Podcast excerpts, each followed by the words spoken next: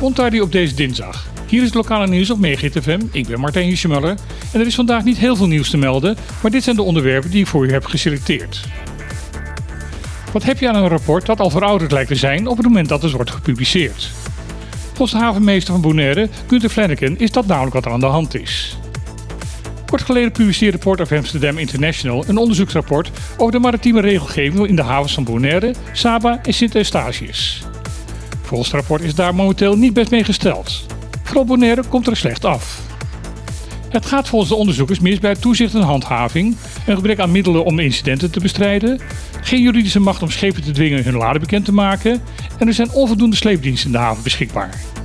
Volgens havenmeester Flanagan is het rapport samengesteld op basis van verouderde informatie. Kort geleden heeft OLB een overeenkomst gesloten met de Curaçaose sleepbootmaatschappij Compania di Tau Curaçao. Daardoor is momenteel nu een permanente sleepboot op Bonaire gestationeerd. Verder is in de Eilandraad in september een nieuw havenreglement aangenomen. Hierin worden de meeste van de in het rapport genoemde zorgpunten benoemd en opgelost. Verder komt volgens de havenmeester binnenkort een aangepaste versie van de wet Maritiem Beheer BES. Hierin wordt onder andere het gebrek aan juridisch gezag van de havenmeester opgelost.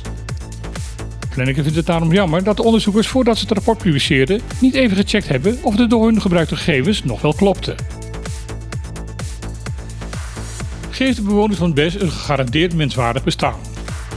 Dat is de belangrijkste boodschap in een opiniestuk dat vandaag te lezen is in de Nederlandse krant NRC Handelsblad.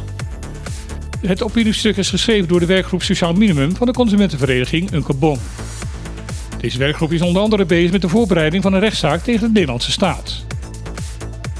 Unkebon is namelijk van mening dat de overheid van Nederland haar zorgplicht tegenover de bewoners van de BES de afgelopen 12 jaar zwaar heeft verwaarloosd.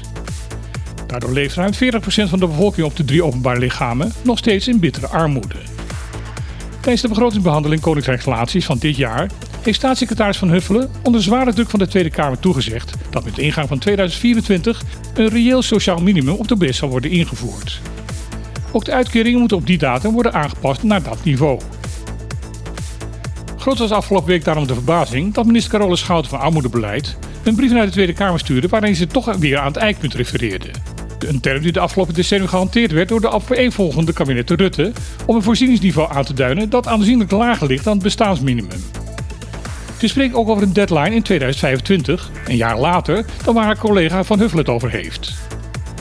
De werkgroep Uncarbon hoopt dat dit een vergissing is. Ze vindt dat het onnodig zou moeten zijn dat een fatsoenlijk bestaan voor een kleine groep Nederlanders via de rechter afgedwongen zou moeten worden. Ook de Nationale Ombudsman Reinier van Zutphen wil meer weten over de klachtencommissie die Zorg en Jeugdkortings Nederland vorige week heeft ingesteld. Wanneer de ombudsman eind volgende week op Bonaire is, wil hij daarom een gesprek hierover met de directie van de Rijksdienst.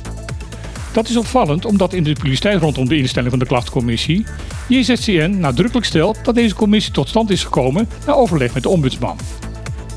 Ondanks deze kennelijke consultatie lijkt Van Zutphen nog vragen te hebben over dit onderwerp waar hij duidelijkheid over wil. Dat laat een woordvoerder van de ombudsman weten. De ZJCN legt de laatste tijd meer onder vuur. Zo heeft het bestuurscollege van Sabe het vertrouwen in de directie van ZJCN opgezegd en bij het ministerie op een onderzoek aangedrongen. Vorige week reisden de vier fractieleiders van de Eilandsraad op Bonaire met spoed naar Nederland om daar te overleggen met de Nederlandse politiek over het besluit van ZJCN het medisch laboratorium Bonlab komend jaar geen contract meer aan te bieden.